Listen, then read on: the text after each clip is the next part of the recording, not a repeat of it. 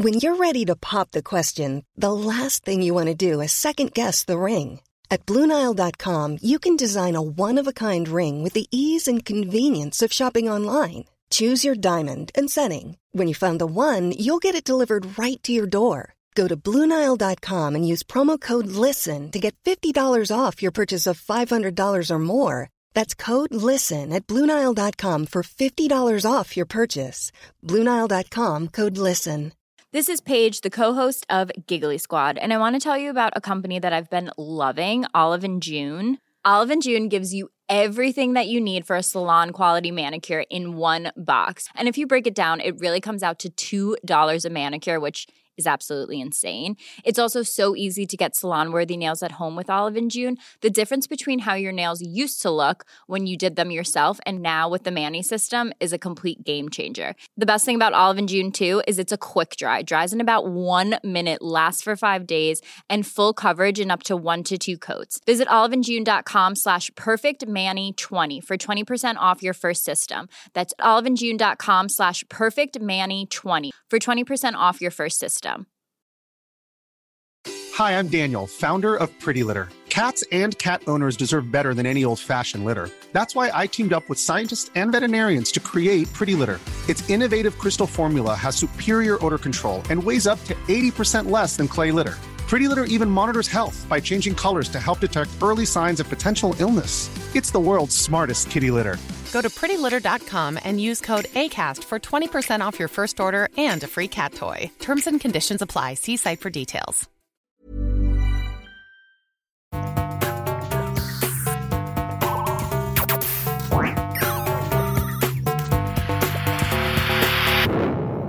Velkommen til Sinnsyn.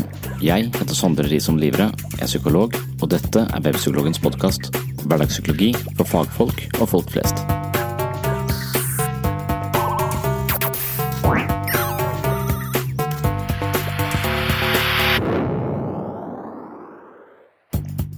Ensomhet er et eh, finurlig, dyptgripende, eksistensielt og potensielt sett truende fenomen. Vi kan ikke leve uten andre mennesker. Vi trenger å bli sett, bekrefta, få hjelp, gi hjelp, ha betydning og dele opplevelser for å gi dem mening. Når vi mangler relasjoner, enten fordi vi omgås andre med en maske, eller fordi vi sliter med angst og isolerer oss, eller fordi det er en pandemi på gang som krever isolasjon, eller av andre årsaker, er denne mangelen på en genuin kontakt til andre mennesker alvorlig for vår psykiske helse. I dagens episode skal det handle om ensomhet. Hva er det for noe, hvorfor oppstår det, og hvorfor opplever mange å ha et stort sosialt nettverk, men likevel en sterk følelse av ensomhet? På Helse-Norge står det flere artikler om ensomhet. Der står det at ensomhet dreier seg om en ubestemt lengsel eller et savn etter andre mennesker.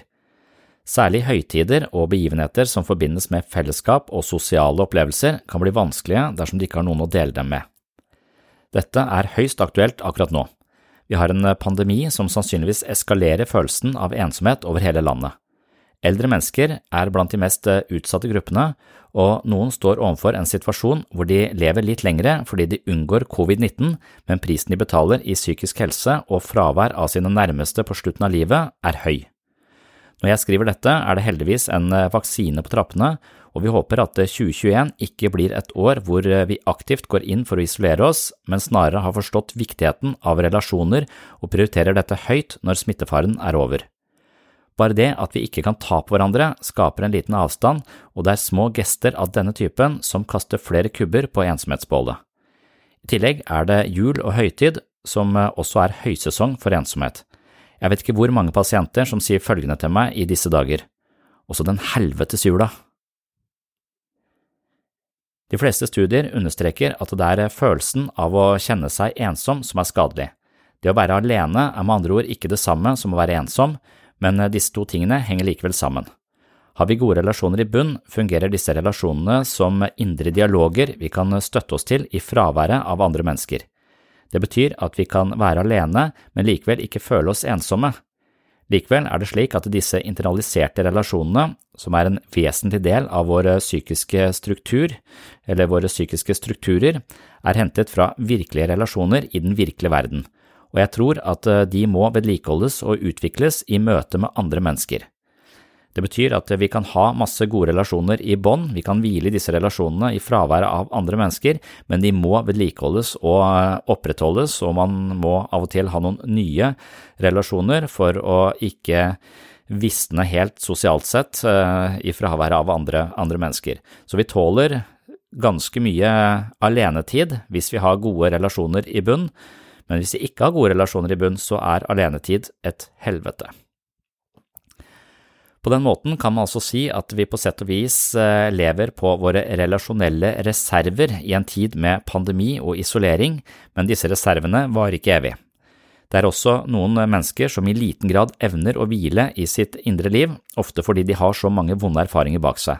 Disse menneskene har eh, oftere psykiske plager, mindre sosial kapital og er derfor enda mer sårbare for sosial distanseringspolitikk og generelt sett ofte plaget med en gjennomgripende følelse av ensomhet. Ensomhet kan anstifte et savn etter andre, men det kan også anstifte en overveldende følelse av hjelpeløshet. Man har ingen som kan stille opp når livet blir vanskelig. Ifølge psykolog og forsker på ensomhet John Cacioppo går hjernen inn i en overlevelsesmodus når du føler deg ensom. Dette kan føre til at du blir selvfokusert og opptatt av hvordan du selv har det, og glemmer å fokusere på hvordan andre rundt deg har det.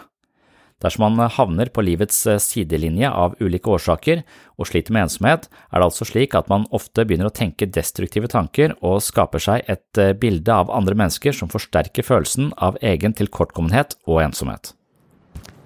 Jeg kjenner meg så urolig. Alle andre rundt meg ser så selvsikre og lykkelige ut. Lurer på hva de tenker på.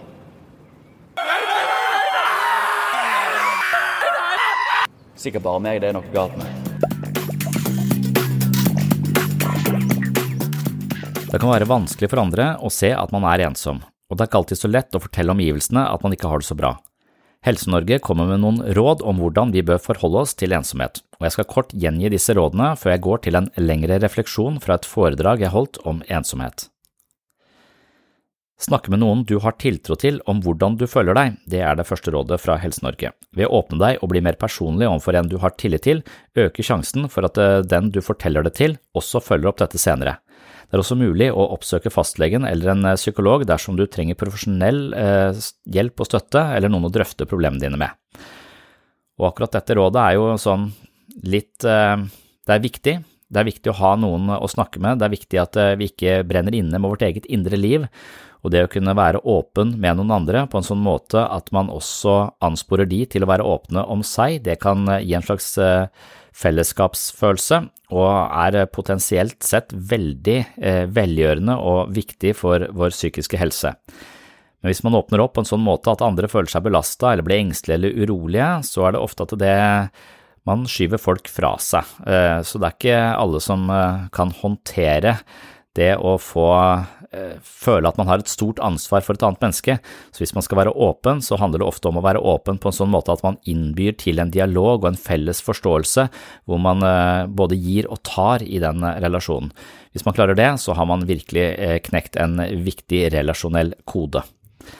Og hvis man ikke har noen å snakke med, så går det selvfølgelig an å ringe ulike hjelpetelefoner, men før man da oppsøker Eh, psykolog, i hvert fall, for det er ikke noe man, de fleste av oss bare kan oppsøke. Da må man først innom fastlegen, og fastlegen kan eventuelt viderehenvise til en psykolog, men ofte så er det ikke nødvendig å ha en psykolog å snakke med, det handler bare om å være del av et eh, meningsfullt fellesskap, og ofte så finnes det mange andre instanser som er eh, vel så gode som det å gå og snakke på et kontor i spesialisthelsetjenesten.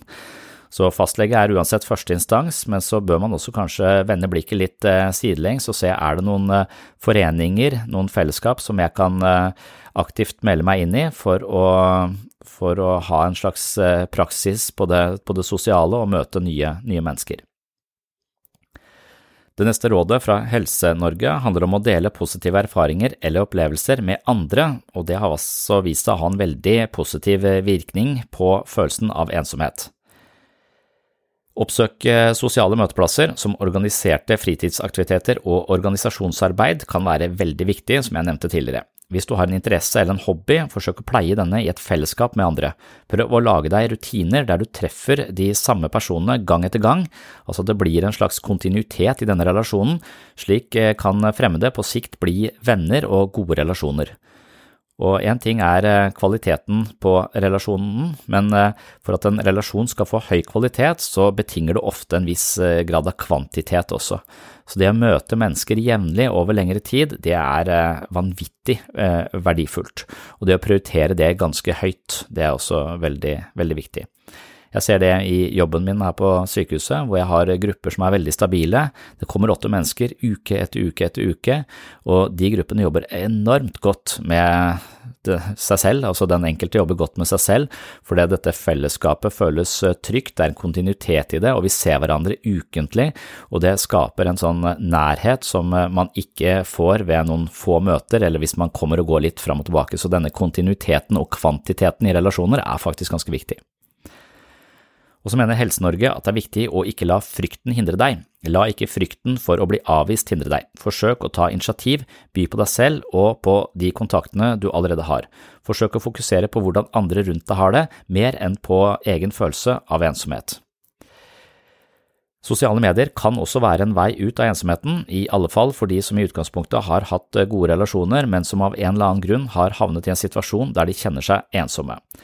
Så bruk av internett kan nok fungere som et eh, slags eh, verktøy i en eh, ensom fase, men det kan jo også være det som gjorde at vi blei ensomme, fordi vi satte oss fast i dette internettet og kom oss mindre ut. Så her er det en litt dobbeltvirkning på spill, mistenker jeg i alle fall.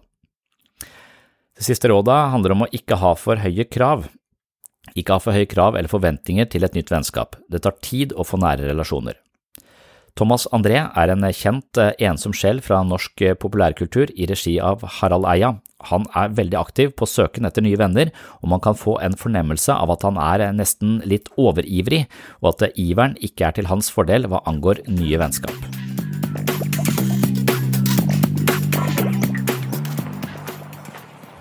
Jeg fant ut at det var på tide å flytte hjemmefra nå, så da kjøpte jeg meg en leilighet nå rett etter sommeren i fjor.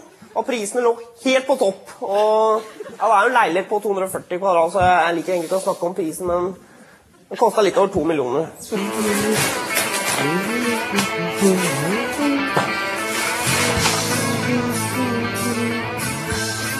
Du har ingen nye meldinger. Planen min med en så stor leilighet var at jeg skulle flytte inn en gjeng her. En ordentlig noen, ja, en gjeng sånn som i Friends. Når det alltid skjer noe, vet du. En sånn, en sånn pen og en litt sånn dum, kanskje. Det hører ofte med. Eller sånn Dumme Knut, for eksempel. Nå har han plutselig fått tak i en pusekatt. Typisk Knut.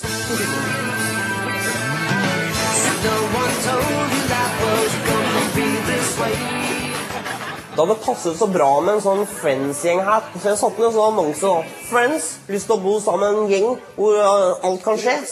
Hilsen Kramer av meg, liksom. da. Så fikk jeg en del svar, men passer liksom ikke inn i det Friends-opplegget mitt. Jeg er på mange måter sånn Kramer-type, så da kommer jeg bare sånn ut av døren, bare sånn boing, og folk og ler, og så kommer jeg med en eller annen kommentar som tar ting på kornet, liksom. Sånn, ja, liksom et eller annet. Ja, så her er stua, da, kan du si. Her, vil du liksom, her sitter vi liksom og prater og drikker uh, drikker vår saft og liksom tar opp ting og Her inne tenker jeg at uh, Her inne tenker jeg rommet til Knut. Ja, her holder Knut til. Han er jo Knut, da. Han er jo ordentlig rotekopp. Det er jo det, og her ser du ikke ut i det hele tatt. Og han er veldig sjarmerende òg, Knut. Det er umulig å bli ordentlig sint på han. Jeg må jo si det. Ja, jeg blir alltid nesten litt sånn eh, sår inni meg når jeg ser eh, Thomas eh, André. På en måte er det morsomt, men på en annen måte så er det så dypt og inderlig sørgelig. Og levekårsundersøkelser fra 2015 viser at det 16% av Norges befolkning oppgir at de enten er litt, ganske eller mye plaga av, av en følelse av ensomhet. Ensomhet er vanligere blant de som er uføre, arbeidsledige, pensjonister og studenter, det er altså mer plaga av ensomhet enn de som er yrkesaktive. Kvinner opplever i større grad at de er ensomme enn menn. De som bor alene etter fylte 45 år, er oftere ensomme enn de aleneboende som er under 45 år. Ensomhet er eh, høyest blant de 25% med lavest inntekt i landet. Ensomhet treffer oftere de unge enn dem som er midt i livet. Som vanlig er ensomhet noe som eh, treffer dem som ikke har det så bra fra før, sier altså disse levekårsundersøkelsene, og man kan eh, tenke seg at eh, et virus i utgangspunktet er blind for sosioøkonomisk status, men covid-19 sparker mest på dem som allerede ligger nede. Det har vi nå erfaring med. Nå skal du få være med på et dypdykk i ensomhetens psykologi, Enten man føler på ensomhet eller ikke, så er ensomhet et slags underliggende eksistensielt vilkår som vil feste seg som en klo i magen på de fleste av oss ved en eller annen anledning i løpet av livet. Jeg mener også at det er en tematikk som sier mye generelt og viktig om det å være et følende og relasjonelt vesen i verden. Velkommen til en ny episode av Sinnssyn.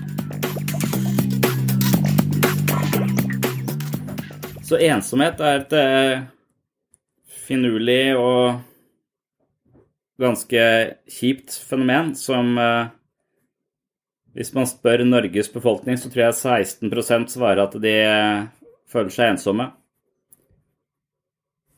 Og Ja, men eh, jo, sikkert flere som, som føler det sånn innimellom, men sånn generelt sett føler seg sånn mye ensomme. Og det er eh, også litt forbundet med hvorvidt man eh, er i jobb eller ikke i jobb, og, og, mange ting. Så det er så mange måter å være ensom på, så det er liksom ikke et, eh, et fenomen som, eh, som er én ting. Det er mange ulike aspekter ved det, med masse ulike årsaker. Så ensomhet er ikke alltid bare fravær av mennesker. Det kan være en type ensomhet, det, at man er vant til å ha folk, folk rundt seg. og så kommer man i en eller annen situasjon hvor man enten mister jobben, kanskje, eller eh, man må være på hjemmekontor, eller hva det skal være, så, så vil jo fravær av andre mennesker eh, kanskje skape en sånn følelse av ensomhet, fordi vi Akkurat som vi konstruerer og rekonstruerer oss selv hele tiden i kontakt med andre mennesker, så det er jo ofte i møte med andre mennesker at vi sparrer eh, om eh, hvem vi er, hvordan vi skal forstå oss selv, hvordan vi skal forstå dem, hvordan vi skal forstå livet, hvordan vi skal løse problemer. Så at vi liksom har eh, vi er ikke alene, vi er eh, en del av et eh, fellesskap og et team som eh, lever livet. Og de som har, har det på den måten, de har jo ofte da gode relasjoner, fordi de kan bruke relasjonene sine til å til å ta valg, til å skape orden i kaos og, og ha, få input. Så den typen relasjoner er jo veldig verdifulle og nesten, vil jeg tenke, helt altavgjørende. For vi blir jo ikke mennesker i et vakuum, vi blir jo mennesker hele tiden i, i møte med, med, den andre. Så, så det er eh, Det er viktig. Og da Når det plutselig opphører, så tror jeg lett man kan føle på sånn eh, type ensomhet rett og slett i fraværet av andre, andre mennesker som man er vant til å ha i livet sitt. Jeg vil tenke at en skilsmisse hadde ført meg i en ganske ensom posisjon, tror jeg. For at jeg, jeg har ikke telt med Jeg vet ikke hvor mange eh, spørsmål jeg selv ikke føler jeg har svar på i løpet av en dag når det gjelder barna og avgjørelser og alt sånt, som jeg er nødt til å liksom Og opplevelser jeg har av ting som jeg er nødt til å dele med noen andre for å justere de, balansere de, modifisere de, gjøre de synlige for meg selv gjennom at jeg snakker med noen om det. Så jeg pleier å si at jeg lærer på den måten at jeg, jeg leser noe, eller jeg hører, jeg opplever noe, og så skriver jeg om det, og så snakker jeg om det. Det er sånn jeg lærer eh, Jeg skriver ikke så mye om det som skjer på meg i hverdagen, men jeg opplever det, og så må jeg snakke om det for å, for å plassere det, tror jeg. Det er ikke alltid jeg snakker om noe. En del klarer jeg å plassere selv, men hvis du har sånne medspillere i livet ditt, så tror jeg ikke du er, eh, du er ensom. Og så tenker jeg også at eh, jeg sannsynligvis kan være ganske lenge alene, fordi at jeg også har en opplevelse av at jeg har mennesker jeg har møtt, som jeg har snakket med, som jeg vet hva sier eh, om ting som jeg også bærer med meg som indre psykiske strukturer. Sånn at den eh, bearbeidelsen av ting som skjer, og forståelsen av det som skjer, det kan også gjøres eh, internt fordi at jeg har eh, eh, så mange perspektiver og stemmer i meg som har tatt bolig i meg gjennom alle de møtene jeg har hatt, som, jeg kan, som, som kan hjelpe meg. Så, så, jeg tror nok jeg over en viss periode kan kan, kan klare meg alene, men at, jeg, at, vi hele tiden trenger, trenger, noen andre. Og så kommer man eh, til denne neste Så fravær av mennesker er én ting, men, men, en annen ensomhetsting er jo at man faktisk har masse folk rundt seg, men fordi man hele tiden ønsker å fremstå på en bestemt måte og oppfører seg på en bestemt måte og sier de riktige tingene for å bli likt, så kan man ha tusenvis av relasjoner rundt seg, men likevel aldri vise hvem man er. Og det vil være det å være ensom blant mennesker. Så jeg tror jeg kanskje er en vanligere fenomen at man ikke er oppriktig, men eh, prøver å vinne den andres anerkjennelse ved å spille en eller annen rolle. Og når man spiller den rollen, så blir man bekrefta. Og når man får positiv bekreftelse på den rollen, som man egentlig ikke henger helt på greip med alle de andre aspektene ved en selv, så, så, føler man seg kanskje dobbelt så ensom, for man får på en måte en bekreftelse på noen andre enn det man egentlig tenker at man, man kan stå inne for. da. Eller at man bare viser én liten del av seg selv som man tenker er sosialt attraktiv, og så, og så, er det den man lever ut sammen med andre. Og da er det bare den siden andre mennesker kan bekrefte og, og se, og så, og så vil de andre delene av seg ligge i skyggen. Og Da tror jeg det er noen mennesker som vet at de har skyggesider som de ikke viser, som de kjenner for seg selv. Og så tror jeg det er noen mennesker som er så lite introspektive fordi de har opplevd så mye faenskap og har så masse vanskelige følelser at de helst ikke kikker innover i det hele tatt. Så de er ikke bare ensomme i, i, i fravær av andre mennesker eller i fravær av eh, Eller evnen til å være oppriktig, men de er også ensomme i seg selv. De kjenner ikke seg selv.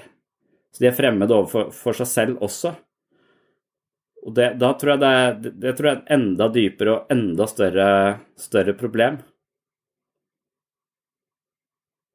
Det er eh, Så ensomhet, det tror jeg kommer i veldig, veldig mange, mange fasonger. Så når vi snakker om her gang på gang, altså det derre målet om å være så gjennomsiktig som mulig, så betyr jo det at man i første omgang blir kjent med seg selv. Hvem bor i mitt hus?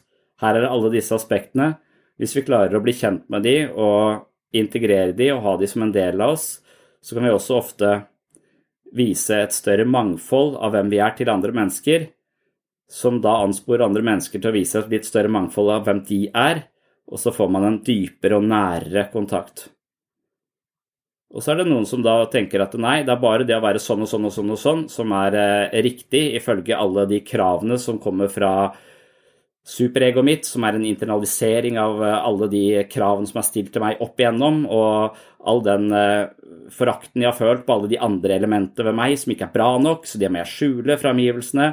Sånn at du har en ganske sånn smal eh, forståelse av hva som egentlig er mulig å vise til andre og så er det kun det du går ut og, og møter andre med, og da har du en ganske Da har du Du har kanskje en slags kontakt, men den kontakten er eh, snever og ganske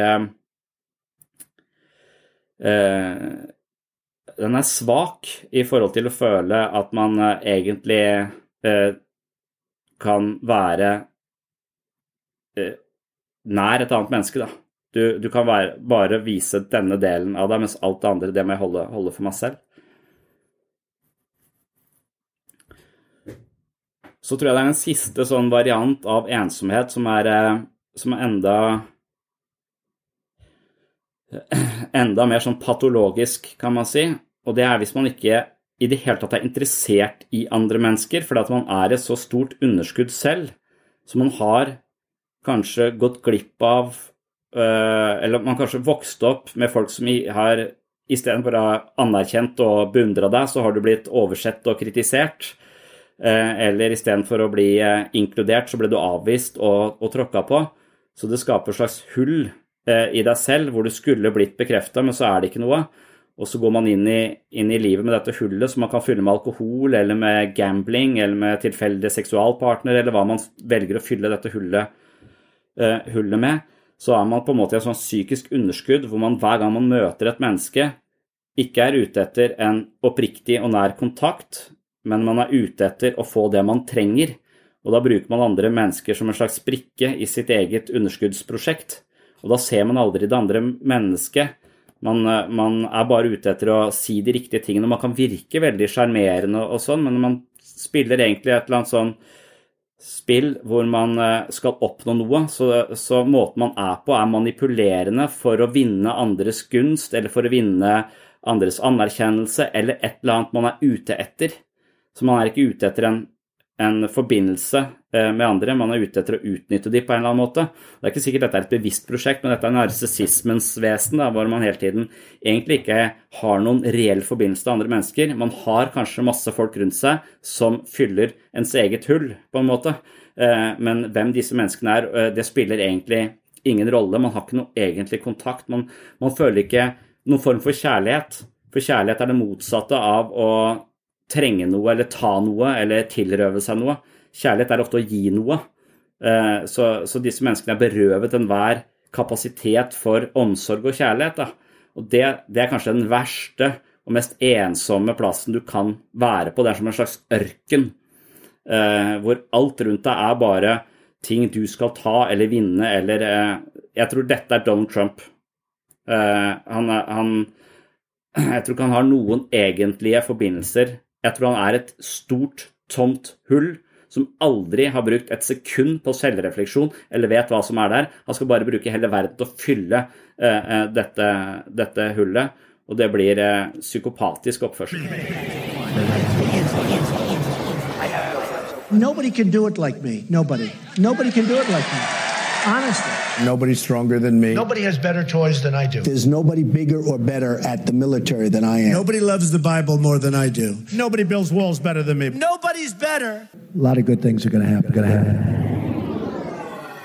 Billions and billions and billions and billions and billions and billions and billions and billions and billions and billions and billions and billions and I love it. And billions I love it. I'm sitting there tweeting. Bing, bing, bing. You press a button. Bing, bing. They all hand you checks. Bing, bing, bing, bing. We had our beautiful Marine standing there. Bing, bing, bing, bing. You know, in the old days, bing, bong. You know, with the map. Bing, bing, bing. Little mouth on him. Bing, bing, bing. Bing, bing, bing, bing, bing. Bing, bing, bing. They're cleaning up. Fix it up. Bing, bing, bing. A 14 point plan. Bing, I bing, was imitating bing, puppets, bing, and I said maybe I shouldn't do that anymore. Bye, Bing. Bing. That's the end of that. You know, it's the only thing he can say. Men det føles, eh, det føles som en litt eh, det, er en forferdelig kjip form for ensomhet. At det, for det er blant eldre så er det mye ensomhet. Og det er rett og slett fravær av, av mennesker. Uh, hvor du ikke har noen Og, og det, det, føles ut som et problem som man løser rent fysisk ved å besøke den ensomme mannen. Og at det hjelper. Altså, det er det som hjelper. Den, de andre formene for ensomhet, sånn mer sånn uh, så, Hvor man egentlig er uh, enten fanga bak en maske eller eh, fanga i et sort hull hvor man ikke har kapasitet til å se andre osv. Det er en annen form for ensomhet hvor det å ha et annet menneske ved siden av seg ikke vil løse problemet. Man vil fortsatt føle seg ensom blant mennesker. Da. Som er liksom mer sånn psykologisk komplisert problem, egentlig. Hvis det bare er at livet ditt har plutselig blitt arrangert på en sånn måte at alle de du kjenner, har gått bort, og, og sånn, så mangler du uh, forbindelser. Og det er ikke det at det ikke er Det er et høyst reelt problem, uh, men uh, løsningen på det er jo ganske åpenbar. vi må lage fellesskaper, vi må lage seniorboliger for folk, sånn at de kan ha store arenaer å treffes på, ha aktiviteter å være del av, en flokk å høre til. Så det, det kan nesten føles som kan løses med psykososial planlegging eh, på, på Ja. Eh, det er ikke det at det gjøres på noen måte, så det, det trengs absolutt, men eh, ja. Ja, for det, det, det er rart med de, de menneskene som påberoper seg og kan si 'jeg er åpen'. Du, nå har jeg fortalt alt dette, hva mer vil du ha? Jeg er jo åpen, jeg har fortalt deg alt dette. Og så har de 'ja, du har gitt meg informasjon', men jeg har jo bare snakket med din politiske rådgiver. Jeg har bare snakket med din talsmann, for, eh, så, så, så, så den informasjonen som er gitt, den, den kommer eh, ja, fra, fra kommunikasjonsrådgiveren din. Og det føles ikke ut som er åpen, det som det har bare blitt servert en, eh, en, forklaring som er den offisielle forklaringen på meg, som vi, vi gir utad. Og den kan lure deg. Det er kvasiåpen, eller det er sånn semi-åpen. At du, du, du, kan ikke bli tatt på at du ikke er åpen, for du har gitt all denne informasjonen. Men det å være et åpent og nært menneske handler ikke om å fortelle hemmeligheter. Eller fortelle, gi Du kan faktisk være totalt åpen uten å fortelle noe som helst om, om faktiske forhold i ditt liv, nesten. Du, du kan møte mennesker som er, virker åpne og nære, uten at de forteller deg etternavn, hvor de har vokst opp, om de har søsken. Altså, den, du kan fortsatt være åpen uten all den informasjonen. Så, og det er ikke så lett å pinpointe hva forskjellen på det å være oppriktig eh, og det å bare servere andre informasjon og tenke at det er åpenhet. For det er veldig mange som kommer i terapi og tenker at det, nå skal jeg bare ta meg sammen, nå skal jeg fortelle disse tingene på en ryddig måte, og så jeg, har jeg vært eh, åpen. Da har jeg gjort det jeg skal. Men det hjalp ikke. Nei. Altså og Det er vel det som er eh, Det er vel derfor jeg av og til har tenkt at noen ganger så møter du mennesker som virkelig bare er nære. Bare sånn, så selv om du møter dem på butikken og dere snakker om vær og vind, så, eh, så, så det har ikke bare med smalltalk å gjøre. altså Smalltalk er overfladisk. Smalltalk kan være både dypt og inderlig, og det kan være totalt overfladisk. Det kommer helt an på. Du kan si de samme tingene, og på en måte kan det være nært og dypt, og på en annen måte kan det være overfladisk og, og kaldt. Og det, det, kommer an på, kommer an på hvor, det, hvor, det, kommer fra.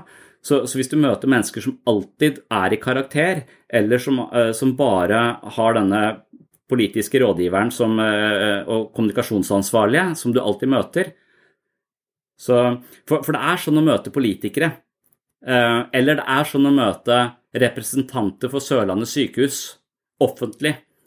Altså, eh, eh, eh, ja, for jeg var akkurat i en samtale med hvor det var flere fra Sørlandet sykehus. Så, ja, men vi skal opptre som, som, som ansatte og være profesjonelle i denne rollen. Hva er det du mener da?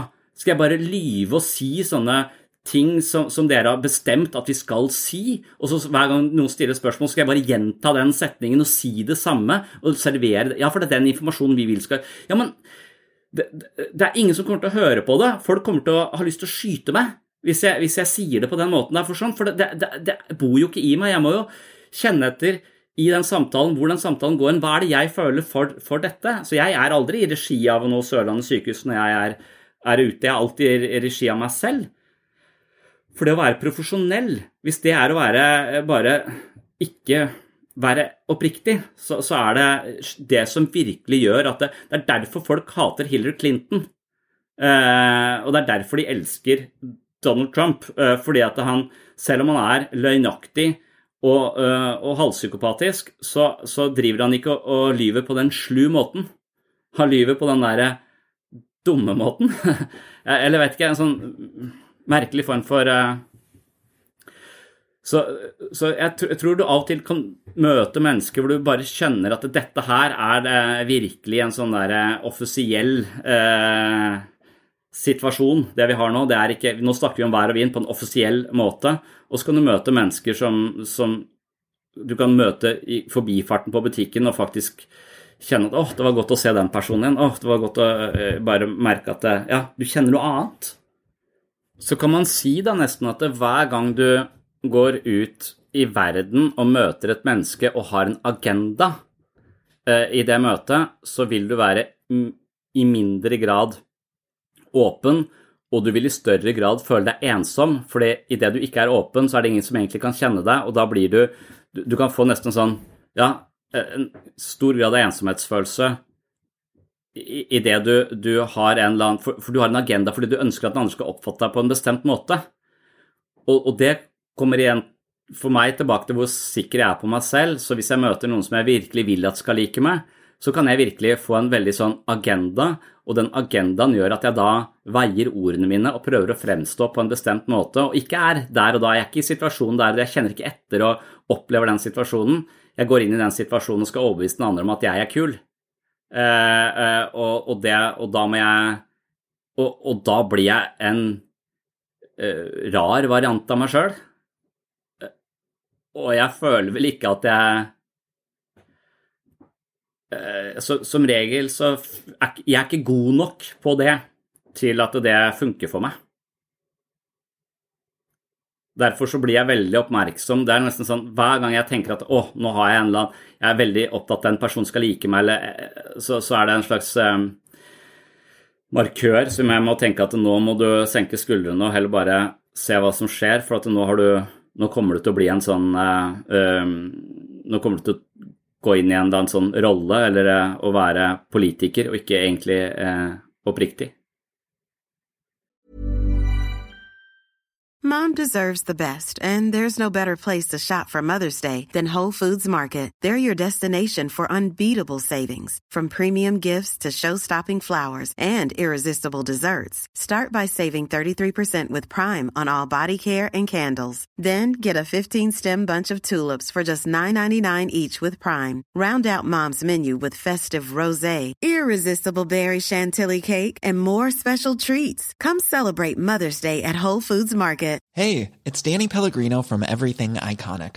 Ready to upgrade your style game without blowing your budget? Check out Quince. They've got all the good stuff shirts and polos, activewear, and fine leather goods, all at 50 to 80% less than other high end brands. And the best part? They're all about safe, ethical, and responsible manufacturing. Get that luxury vibe without the luxury price tag. Hit up quince.com slash upgrade for free shipping and 365 day returns on your next order. That's quince.com slash upgrade. Hiring for your small business? If you're not looking for professionals on LinkedIn, you're looking in the wrong place. That's like looking for your car keys in a fish tank.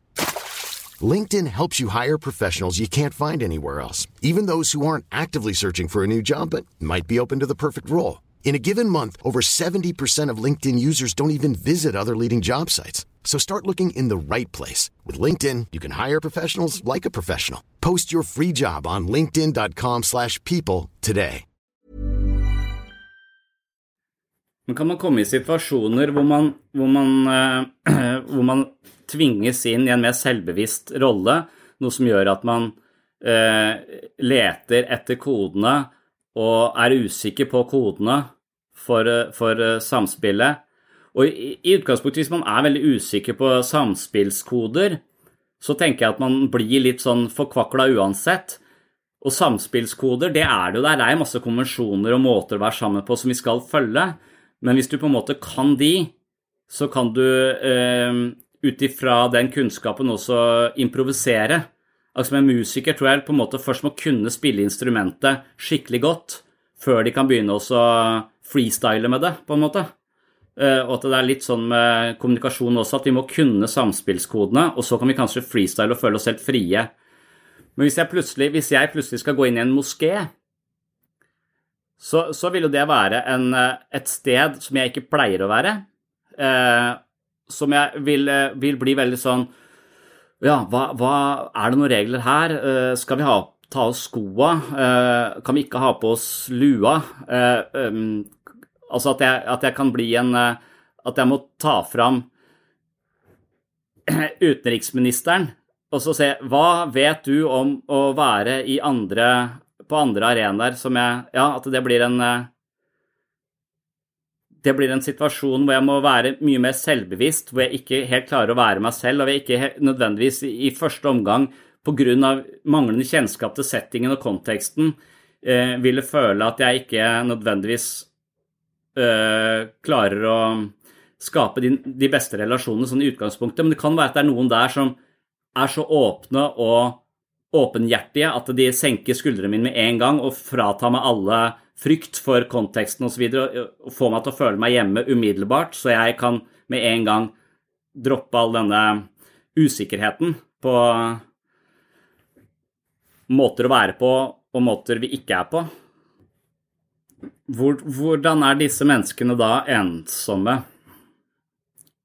Eller hva er det For, for hvis ut ifra tanken om at ensomheten er i den, den intersubjektive ensomheten er en slags mangel på det å være transparent, sånn at du hele tiden har en regi på den du er, eh, og dermed ikke våger en mer sårbar og uforutsigbar side ved deg selv. Du har arrangert deg selv hele tiden.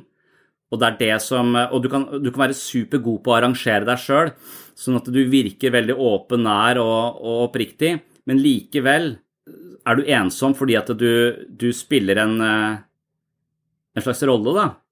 Og da, da, tenker jeg du har eh, For da kommer vi kanskje inn på at det å, det å risikere Eller Prisen du betaler for å være totalt arrangert, er ensomhet. Og risikoen du løper ved å ikke ha total kontroll, det er at du taper ansikt eller føler deg litt dum, men du har muligheten til å komme veldig nært et annet menneske fordi at du fremstår mer oppriktig. Og, og da, da, for det jeg har sagt det for at det, når jeg føler meg mest ensom, det er når jeg holder foredrag rundt forbi. For at agendaen min er å prøve å være morsom. Eh, og prøve å formidle et eller annet budskap. Og da ljuger jeg av og til for å um, For pedagogikkens skyld. Jeg sier ting som ikke er helt sant, som bare er litt sant. Jeg blåser det opp og gjør det mer for, for å rett og slett bare vinne uh, en slags oppmerksomhet da, hos de andre. Og så jeg tenker at jeg, hvis jeg skal klare å formidle noe, så må jeg ha deres oppmerksomhet. Så jeg har en helt klar agenda. Og hvis jeg gjør det på en så god måte at folk tror på meg, og at de tror jeg er sånn, at de tror at jeg er veldig oppriktig når jeg snakker, så vil de etterpå forholde seg til meg som om jeg er den personen de da har forstått. Men så er jeg ikke den personen, og dermed så føler jeg meg totalt misforstått når jeg skal snakke med de eller sitte og spise med de i lunsjen, for da må jeg bare fortsette eh, den, eh, den eh, karakteren, på en måte. Og da det, det, det, Når jeg kommer hjem da, så er jeg helt pumpa det er derfor jeg pleier bare å holde et foredrag og så trekke meg unna og så reise hjem. Fordi, fordi at Sånn at jeg kan gå ut, tre ut av karakter. Borat er nesten alltid i karakter. Det er nå i de senere åra at han har stilt intervjuer som seg sjøl. Sasha Gabor Cohen, er det ikke det han heter?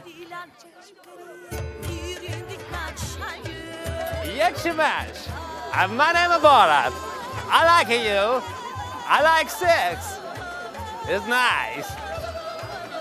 This is my country of Kazakhstan. It locates between Tajikistan, Kyrgyzstan, and assholes Uzbekistan. This is my town of Kusak. This are Orkin, the town rapist. Naughty, naughty. Over here, our town of kindergarten. Da er tilbake på at Jo tryggere man er på seg selv, jo mindre trenger man kanskje regi. Men kan det være sånn at du, du, begynner på regi, men etter hvert så blir det en såpass integrert del av deg at det, at det blir en oppriktighet i det? At du ikke nødvendigvis er noe fra før, men du skaper en person som du etter hvert blir og er? Jeg vil si det at eh, Når man jobber med mennesker, så i starten så følte jeg jo at det var veldig viktig å si kloke ting. Eh, sånn at den andre følte seg bedre. Jeg visste ikke helt hva en psykolog skulle si av kloke ting for at den andre skulle føle seg bedre. Vi lærte veldig mye om psykologi, men ikke akkurat hva vi skulle si. Eh, er så jeg er jævla usikker på det når jeg, satt, med, satt med folk. Og, de sa i hvert fall ikke akkurat det som jeg hadde lest om. Så de sa jo helt andre ting, så jeg hadde jo ikke noe Jeg hadde jo ikke noe respons på akkurat. På akkurat det så måtte liksom bruke Men da, da, er man jo veldig eh, Da prøver man febrilsk, og så er man mer opptatt av hva man skal si, så man ser ikke det andre.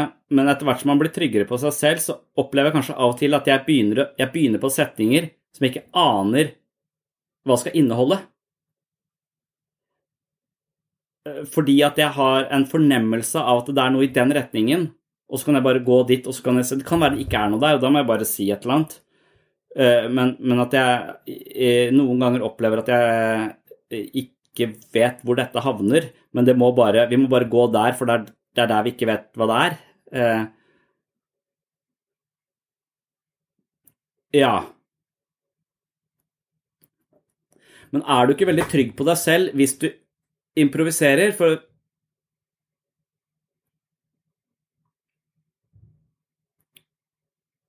Men hvis du er så trygg på deg selv at du Ja, ok. Det, det, for, for, hvis du improviserer, da er du sikker på at når jeg går innover i dette psykiske rommet mitt, så dukker det ikke opp, plutselig opp ting som jeg febrilsk er opptatt av at ikke andre skal se, eller som jeg selv aldri har sett. Så jeg blir kjempe Du, du har på en måte en slags avklart forhold til, til, det som er på innsiden, som jeg kanskje anser som trygghet. da.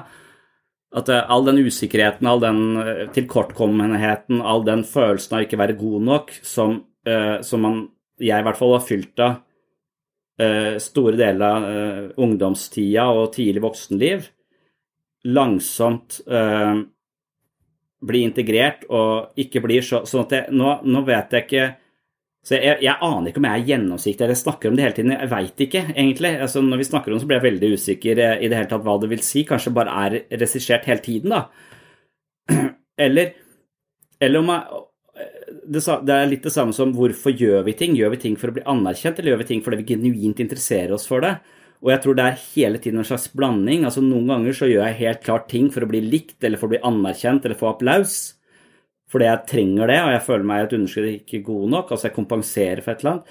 Mens andre ganger så tror jeg kanskje jeg følger et eller annet prosjekt av ren og skjær nysgjerrighet, bare utover interesse, ikke så mye innover.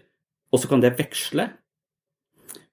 Vil man kunne se på det som at eh, for å stange ensomhet, så må man være oppriktig og skape nær kontakt med andre.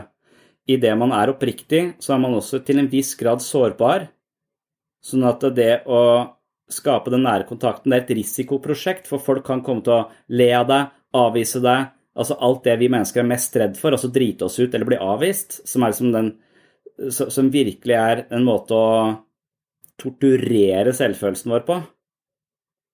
Sånn at det risikerer vi for å være eh, oppriktig. Men hvis du er oppriktig, og kan verbalt selvforsvar, så vil du kunne møte enhver situasjon med eh, en slags trygghet på at eh, jeg våger å være så oppriktig som mulig her, og hvis vedkommende viser seg å være av den type som angriper meg i sårbarheten, så har jeg svart belte i retorikk som gjør at jeg legger vedkommende i bakken umiddelbart, og derfor så ikke er, eh, er redd. Jeg lurer på det derre å være ærlig og oppriktig og, og, og, nær, altså det er også sårbart. At det er den drømmen hvor vi plutselig eh, kommer eh, på Sørlandssenteret helt naken. vi har glemt å kle på oss. At det er den der, den sårbare, den nakenheten, den uh, hvor alle andre bare går rundt med klær og peker peker på deg. For man kan føle Det kan være litt den følelsen man kan ha i en situasjon hvor man føler selv man er veldig ærlig og oppriktig og sårbar, og så gjør ingen andre det samme. Eh, så, så det er f.eks. krefter i gruppa du ikke har forstått. Her er det farlig å være naken, så, så ta på deg. Så sitter du plutselig der kliss naken i en gruppe hvor eh, at det, den det tror jeg kanskje kan være litt følelsen hvis man har utlevert seg, eller jeg vet ikke, bare vært vist hvem man er. For hvis man viser hvem man er, og ikke blir møtt på det, det er kanskje det mest Det er jo den totale avvisningen, og kanskje den, den sterkeste følelsen av, eh, av ensomhet. Jeg vet ikke, for da ser alle hvordan det ser ut hos deg, men ingen har vist hvordan det ser ut hos dem. Det, minner meg om det fengselet, Panopticon-fengselet, som er konstruert på den måten at alle cellene er en ring, og så er det et, et øye i midten, og der sitter fangevokterne, og der, der, er det mørkt, så ingen ser fangevokterne, men alle ser fangene, så du er hele tiden under kontinuerlig observasjon. Du kan ikke vite det, for du ser ikke at de ser deg, men du blir sett hele tiden. Eh, så, så du er totalt Du er under den andres bevissthet. Altså du, du er bevisst om at du, du er sett. Og det er en sånn kjempebyrde å bære. Du føler deg hele tiden observert. Mens eh, de som ser deg, de er i totalt, eh, totalt mørke. Og det å være åpen hvor andre ikke da er det, og ikke responderer på å vise, vise hvordan det ser ut hos dem, det vil være å stå der og, være helt gjennomsiktig og, mens den andre ikke, ikke gjør det samme. Jeg syns det er eh, nesten psykopatisk å ikke være oppriktig tilbake da. Og så kan man kanskje forestille seg det du sier nå, at at det er sånn som jeg, som anser meg selv for å være et slags hodemenneske, kan føle at jeg kommer nær mennesker med språket, fordi jeg kan liksom på en måte beskrive hva som er her, så, så, mens, mens, andre mennesker kanskje gjør det med kroppen. Men det gjør jeg absolutt ikke med, med kroppen, så det med korona osv. Vi tar ikke hverandre i hendene, og vi, vi, klarer å, vi, klarer ikke å, formidle nærhet øh, via kroppen lenger, eller vi får liksom ikke lov. Når jeg ser på det derre der, de, de, som synger Det er noen som synger eh, sangene til hverandre hver gang vi møtes. Og, gang, og, så blir de veldig berørt av hvordan de fremfører andre, disse, disse, sangene til hverandre. Men de kan ikke gi hverandre en klem, så de blir bare stående sånn og, og, og stirre på hverandre på en sånn rar måte. Sånn, de skal, de, skal, de skal, formidle all denne nærheten med språket, og så kommer de til kort. Så det, det, det eneste som hadde funka der, er en klem, på en måte. Og at det er liksom frarøvet.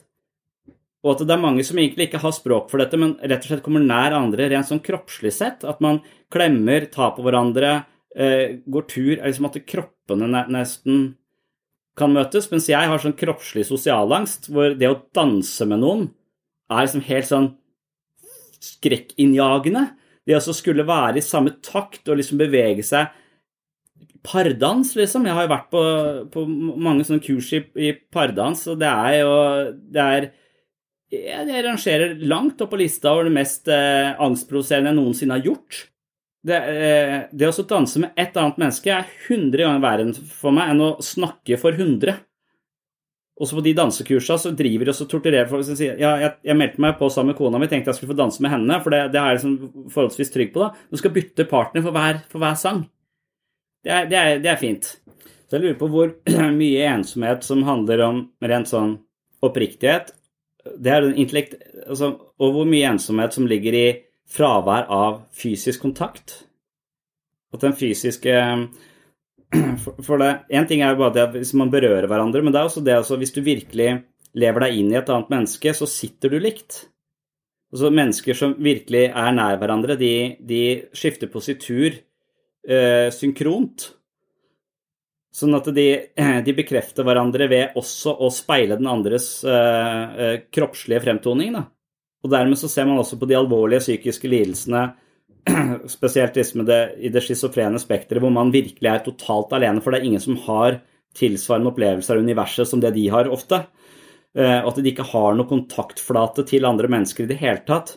Hvorpå man de som snakker med de også blir sånn Hvordan skal jeg håndtere kroppen min? For den responsen jeg får fra deg, den kjenner jeg ikke igjen. Det er helt totalt fremmed for meg. Det er som du kommer fra en annen planet. Jeg vet ikke Hvordan gestikulerer man på, på Jupiter? Sånn uh, Altså, det, det, det, er så, det er så fremmed og fjernt, da. Og dermed så veldig vanskelig å hjelpe de som er havnet ute i psykoselandskapet, for dette, de har ikke noe fellesmenneskelig plattform lenger. Kanskje det mest ensomme som fins i hele verden. Det er altså virkelig se verden på en måte som ingen andre kan forstå, og du klarer ikke å formidle det verken med språk eller noe som helst annet. Det er, du er totalt alene i universet. Og da kan man også se for seg at det, hvis sånne eksistensfilosofer snakker om hva som liksom Det som Det er jo noen sånn som Jalom mener at alle våre problemer de er forankra i noen grunnleggende eksistensielle frykter. Og da sier han ensomhet, meningsløshet og død. Altså de tre. Altså, jeg er veldig Jeg skjønner meningsløsheten er min verste fiende. Uh, ensomheten forstår jeg ikke helt. Jeg har ikke, jeg har ikke, kjent på den sånn fordi at jeg opplever at jeg kanskje er full av relasjoner inni meg, sånn at jeg ikke føler meg Jeg føler meg veldig dialogisk sånn sett. Så jeg har ikke, jeg har ikke vært i nærheten av det eksistensielle ensomhet som den voldsomme frykten. Men når jeg tenker på disse som liksom bor helt alene i en opplevelsesverden som ikke er tilgjengelig for noen andre, så kan jeg begynne å nærme meg det. Og for å virkelig føle på den, så tror jeg så en sånn det er en film om noen som er ute i verdensrommet, hvor det ikke er noe lyd, det er bare helt stille. Jeg husker ikke hva den filmen heter. Eh, Det er en av de, disse nye verdensrommene Å, litt kjipt, en fyr som bare flyr rundt ute i, ute i verdensrommet der. Men de klarte å formidle en sånn dyptgripende følelse av å være totalt alene og så ekstremt avsondra fra alt levende. Eh, Og når du blir fanga der ute i den, da, da, da begynte jeg å nærme meg hvordan, eh, hvor angstprovoserende ensomheten egentlig kan, eh, kan være. Da. Men ellers har ikke det Meningsløsheten er lettere for meg å tappe inn i, liksom. Men ja. Men, men jeg skjønner at ensomheten også kan, kan ha, generere den typen virkelig eksistensiell angst. Da. Og at mange går rundt med den eh, ikke, ikke der ikke total eksistensiell eh, kollaps i forhold til ensomhet, men at de, de, de kjenner på en variasjon av den følelsen av å være alene, sitte alene med tingene sine, ofte være den som bare hører på andre, ikke selv føle at man blir sett eller bekrefta, at, at man, eh, man lever litt på, på sida, ja. Det er noe Du er ikke en spesielt god lagspiller med den eh, holdningen. Og jeg tenker litt på det, en relasjon også At jeg hadde en tilsvarende holdning, føler jeg, når jeg, når jeg, var, når jeg var barn spilte fotball. Og så hadde jeg sånn Jeg var veldig sånn jeg var veldig flink helt i starten. Jeg var veldig teknisk og, og veldig god, så jeg kunne Jeg eh, opplevde at jeg kunne vinne over et annet lag alene. Eh, og jeg opplevde at det var det jeg skulle gjøre også. Og det fungerte når vi var mygg og maur og hva det het for noe. For da, da kunne jeg vinne over et annet lag alene veldig ofte. Men jeg blir jo ikke en veldig Jeg blir jo en egoist. Og jeg får veldig mye av eh, eh, får, Det var tungt, fordi jeg følte jeg skulle bære hele denne kampen. Men etter hvert som du ser at det- andre spillere på laget ditt også eh, har sentrale plasser og kan eh, bidra veldig mye, og jeg kan sende ballen bort til de, og så bidrar de, så til sammen så blir vi jo ikke bare dobbelt så gode, men kanskje tre ganger så gode. Den opplevelsen å gå fra å være bare, bare meg til å spille på hele, eh, på hele laget, den tror jeg er ganske eh, avgjørende. Også at eh, det å ha en god relasjon og føle seg Hvis du spiller på et lag som virkelig er eh, samspilt, så tror jeg det er det motsatte å føle seg ensom uten at man snakker til noen. At man virkelig bare er en del av noe Man er, man er nesten en felles kropp eh, som består av elleve enkeltkropper. Og den, den det, det er en ganske sånn sterk eh, Og hvis man tar det, det bildet litt ut av Så kan jeg møte mennesker som jeg Som f.eks. kommer fra andre land, og så flytter til eh, Norge, og så flytter de til Chile i Norge. Eh, De, de, de, de rekonstruerer Chile, hvis det er Chile, eller om det er eh, et tilfeldig land, da. Er, så, så de rekonstruerer det landet i Norge, og på en eller annen måte så er de da så De er nesten alene i det landet der, så det er ikke sikkert de har noen andre der, de kan ha sitt eget lille. Og på en eller annen måte så står de på sidelinjen av, av livet. Og det var det som var den podkasten i dag også. Det var vel en dame som hadde en veldig sentral rolle. Hun spilte en rolle som mor, hun hadde karriere, hun hadde så, Ikke sant? Hun, hun, og, men etter hvert som hun mista noen av disse Barna flytta, hun mista jobben, så plutselig så, så var hun ikke med i livets elv lenger. Hun var liksom bare satt på, uh, på sida og følte seg etter hvert veldig, veldig ensom i takt med at hun følte seg mindre og mindre verdifull, for hun hadde ikke noen rolle på laget. Og at, det- også er noe som fører til en sånn type ensomhet hvis vi plutselig blir satt på, på siden av eh, livsspillene. For det er liksom i deltakelsen på laget Vi, vi blir benka, liksom. Vi, vi, er ikke på, vi på førsteelveren lenger. Og, og, og da tenker jeg at til en viss grad så er det fordi det er dårlig integrering kanskje i Norge. Man kan se på det som et politisk spørsmål. Men jeg har også møtt mennesker som jeg tenker at det, Men grunnen til at vi to ikke kjenner hverandre, det er fordi vi har ingen felles referanser. Jeg kan ikke liksom det, Ofte når jeg møter mennesker, så, så prøver jeg å finne et eller annet eh, fellestrekk, et eller annet som er likt. Um, og, og, eller bare en, en kulturell felles referanse. En serie som går på Netflix, eller musikk de hører på, eller en eller annen sånn identitetsmarkør som de har, som jeg også kanskje har, så er det liksom utgangspunkt for Ja, her, her var det noe likt, her kan vi møtes. Eller her er det noen som vi føler helt forskjellig for. Det er også interessant. Eh, da, mens eh, hvis du ikke har tatt del i i samfunnet eller i livet på noe som helst måte, så er det som om de ikke finner sånne markører. Så står de på andre siden av elven uh, og, og, har ikke vært med i livet. Og, og, det er også en sånn, tror jeg, ekstremt ensomt. Men da lurer jeg på hvorfor hopper du ikke ut i livet? Uh, hvorfor begynner du ikke, selv om du kommer fra Kilo, hvorfor ser du ikke um, side om side? Eller jeg vet da faen, jeg, bare en eller annen sånn Hvorfor Hvorfor prøver du ikke også finne et kulturelt uh, Altså, kultur, kulturen er et slags verktøy for for å, forenes om noe.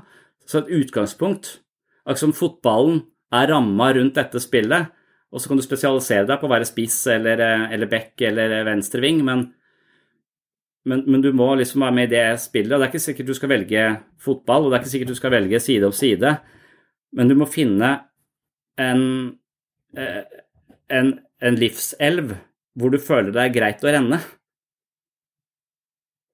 Og hvis du ikke finner det, så er du også nesten Du er ikke sånn som den schizofrene helt i et annet univers, for de er i et annet kosmos. Du er bare utenfor livet og kikker inn som om, eh, som om livet Som om resten av verden er en gullfiskbolle som du observerer, men du svømmer ikke i den bollen sjøl jeg tenker at det her ligger det ansvar både fra de som er oppi, oppi akvariet, til å si at eh, hopp uti, vi kan bli kjent med det. Men eh, det er også litt ansvar eh, fra de som står på siden og tørre å hoppe uti. Og så er det jo sånn at eh, eksempelet i den podkasten vi hørte, det er jo ikke det at jeg mener at folk med vilje stiller seg på siden av livet, eller på livets sidelinje på noen måte. For noen ganger så blir du plassert der også av omstendighetene. Så denne dama i eksempelet, hun ble plassert der av omstendighetene. Jeg har selv bodd lenge i Danmark og stilte meg selv på siden av det danske samfunnet og gjorde ikke meg til en del av det. Mens jeg hadde andre eh, venner som gjorde seg selv til en del av Danmark. Jeg gjorde meg aldri til en del av Danmark, selv om Danmark er helt likt Norge. ikke sant? Det er veldig, veldig likt. Men så, så jeg forestiller meg hvis jeg skulle til Brasil eller et eller annet, så hadde det vært veldig vanskelig for meg å hoppe ut i det akvariet der sånn. Så jeg kan godt forstå, forstå det. Mens jeg lagde mitt lille Eksil-Norge i Danmark liksom, med mine venner som, øh, som hadde de samme referansene, og så lagde vi bare en liten klubb innad i øh, resten av det. Så jeg, jeg er ikke noe god på dette integreringsprosjektet selv, selv om jeg tenker at det ville være veldig utviklende, og, det å hoppe uti et akvarium hvor du ikke har svømt før Du kan jo utvide horisonten din og kanskje øh, føle deg enda mindre Eller være enda mer robust i møte med livet i forhold til ensomheten. At du har mange erfaringer, du kjenner mange, du har mange måter å være sammen med folk på fra ulike akvarier. Sånn at du, du dypest sett, eh, hvis du integrerer dette i deg sjøl og får mange indre relasjonelle erfaringer som du kan hvile i rundt forbi, så er det tenker jeg, en veldig sånn selvutviklende ting, da, og som, som er anti-ensomhet. Hvis du våger å, å dyppe inn i Svømme på, i ukjente farvann. da er vi litt inne på det jeg føler kanskje at jeg Eh, kona mi sier at hvis ikke vi hadde hatt hun, så hadde vi vært helt ensomme. Altså, vi hadde ikke hatt noen sosiale forbindelser. Og det skjønner jeg, for jeg er ingen Jeg er ikke noe god Jeg er ikke en sos, veldig sosial person, sånn, eh, sånn privat. Eh, og jeg lurer på om det er ikke fordi at jeg ikke er en sosial person, for jeg var sosial da jeg var yngre, men det er fordi kanskje at jeg svømmer i så mange akvarier sammen med så mange mennesker som beriker meg på en måte, og som jeg kan være sammen med her på, på jobb, at jeg har liksom nok. At jeg ikke føler jeg trenger eh... selv, om jeg, selv om det er et sant at ikke vi hadde hatt noen venner hvis ikke det hadde vært for henne, så føler jeg meg likevel ikke ensom. selv om jeg bare er sammen med venner som hun har skaffa. For evnen til å kon ha kontakt med opplevelser som ligner dine egne, og som du kan speile deg via, det gjør at du føler et fellesskap og ikke ensomhet. Og derfor så kan man jo også føle seg Altså, man trenger ikke å føle seg ensom selv om man er helt alene med en opplevelse hvis man finner en plate som eh, synliggjør den samme opplevelsen som du har. Så kan du putte den i CD-spilleren din eller sette den på Spotify, og så kan du spille den, og så skjønner du at uh, dette er fellesmenneskelig, dette er ikke bare, bare meg. Så via kulturelle objekter så kan man også sparre og nettopp eh, stang, rett og komme seg ut av den følelsen at, det, at man er helt, eh, helt, ensom. Noe som bøker eller musikk eller de også kan gi oss. Eller andre mennesker som, som kan lytte til din beskrivelse av din opplevelse og si ja, dette ligner litt sånn jeg har hatt det da og da, eller ja.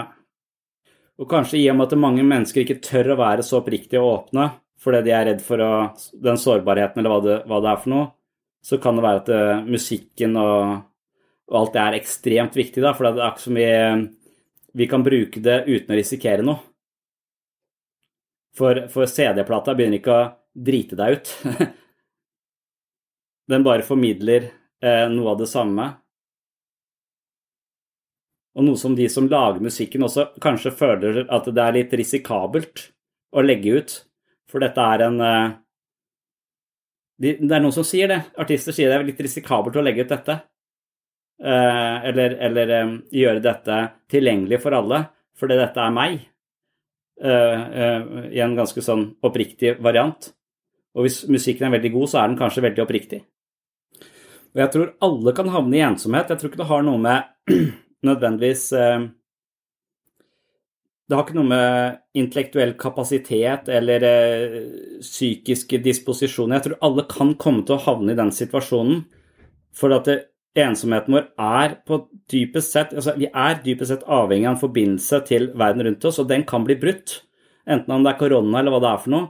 Jeg vil for tenke meg hvis jeg blir skilt, så vil jo alle disse forbindelsene jeg har, kanskje brytes. Og når jeg ikke er ekspert på å lage meg nye sosiale forbindelser, så kan jeg godt hvile i de jeg har hatt en stund. Men det, jeg tror ikke det går mer enn 14 dager før, før jeg desperat trenger et behov for noen, noe nære, noe, noe, noe, nytt. Så jeg er ganske, på så vidt ganske sårbar da, selv for å miste, eh, miste det. Altså at for det er så mange nivåer av ensomhet, det er så mange ting som, som spiller inn her. Og det er så, så sentralt del av et menneskeliv å ha en tilhørighet. Så la oss si du mister jobben og blir skilt. Da, da, da tror jeg de fleste vil, vil, kjenne at dette er litt som å gå eksistensielt konkurs eh, og virkelig måtte bygge seg opp fra, fra bånn og at det kan være en kjempetøff eh, tøff kamp. Jeg tror, det, det finnes mennesker som har en sånn Altså, noen flykter fra Eh, andre mennesker og inn i ensomheten fordi at eh, den føles bedre og mindre skremmende enn noen andre mennesker rundt seg. Men så tror jeg også det finnes mennesker som, eh, som du sier, betaler i dyre dommer og krysser eller går Canada på tvers, type Lars Monsen. Som, så jeg vet ikke akkurat med Lars Monsen, men hvis du har et ganske sånn robust selv, som, som er skrudd sammen av masse gode relasjoner, som du hviler i hele tiden, så tror jeg du eh, kan være totalt alene ganske lenge uten å føle deg ensom.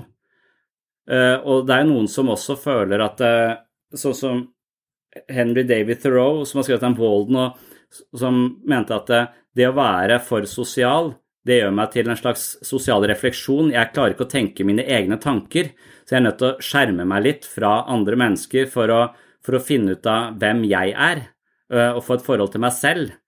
Eh, og at det forstyrres av, eh, av, alle de sosiale forbindelsene. Så det er noen som tenker at de skal ut i skogen for å finne, finne seg sjøl, eh, og, og, ikke trenger Fordi de er redd for å, for å bli sånn sosialt gjennomtrengte, nærmest. At de ikke De er på jakt etter en type originalitet eller innsikt i seg sjøl som ikke er forstyrra av alle andre innspill. Da. Så at noen skjermer seg på den, eh, på den måten. Og jeg tror man kan gjøre det fra et overskuddsposisjon og klare det en stund.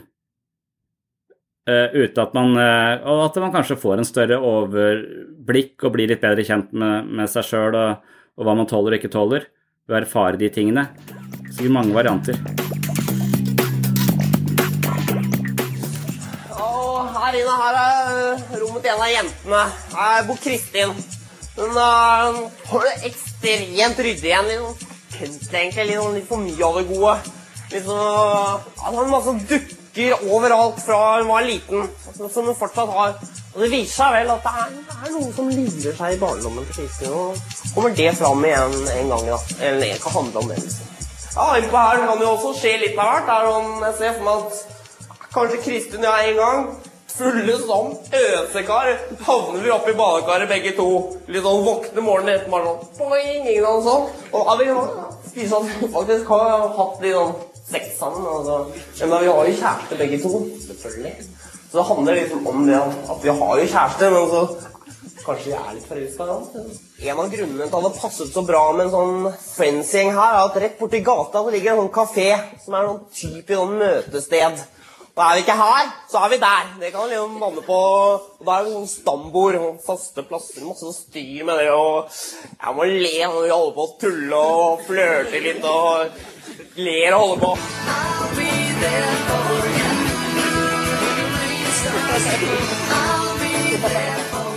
Det var det jeg tenkte om ensomhet en formiddag i november 2020. Nå er det høysesong for denne problematikken, og jeg håper at vi som medmennesker kan gjøre en liten innsats for å bekjempe dette psykologiske viruset, som også ledsages av det andre viruset som kalles covid-19. Vi kan gjøre en forskjell for andre mennesker, og en følelse av en forbindelse til andre eller til et fellesskap er blant de mest antidepressive opplevelsene som finnes. Ensomhet er Normally being a little extra can be a bit much, but when it comes to healthcare, it pays to be extra.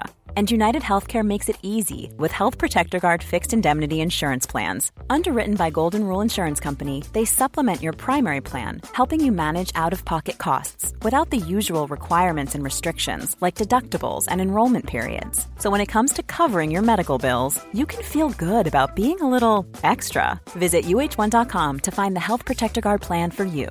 Flexibility is great. That's why there's yoga. Flexibility for your insurance coverage is great too. That's why there's United Healthcare Insurance Plans. Underwritten by Golden Rule Insurance Company, United Healthcare Insurance Plans offer flexible, budget friendly coverage for medical, vision, dental, and more. One of these plans may be right for you if you're, say, between jobs, coming off your parents' plan, turning a side hustle into a full hustle, or even missed open enrollment. Want more flexibility? Find out more about United Healthcare Insurance Plans at uh1.com. Imagine the softest sheets you've ever felt. Now imagine them getting even softer over time. That's what you'll feel with Bowl and Branch's organic cotton sheets. In a recent customer survey, 96% replied that Bowl and Branch sheets get softer with every wash. Start getting your best night's sleep in these sheets that get softer and softer for years to come. Try their sheets with a 30-night guarantee. Plus, get 15% off your first order at bowlandbranch.com. Code BUTTERY. Exclusions apply. See site for details. Den mest tungtveiende faktoren som ligger bak selvmordsstatistikkene, og dermed kan vår interesse og håndsutstrekning potensielt sett være livreddende. Takk for at du hørte på Sinnsyn. Eh, vil du ha mer sinnssyn hver måned, kan du alltid melde deg inn på mitt mentale treningsstudio via patron.com for segs sinnssyn. Som Patron-supporter bidrar du til å holde hjula i gang her på podkasten, og som takk for din støtte får du tilgang til masse ekstra episoder av sinnssyn, videomateriell, lydbøker og mye mer. Takk til alle dere som allerede er Patron-supportere. Det var det vi hadde for denne gang, og på gjenhør i neste episode.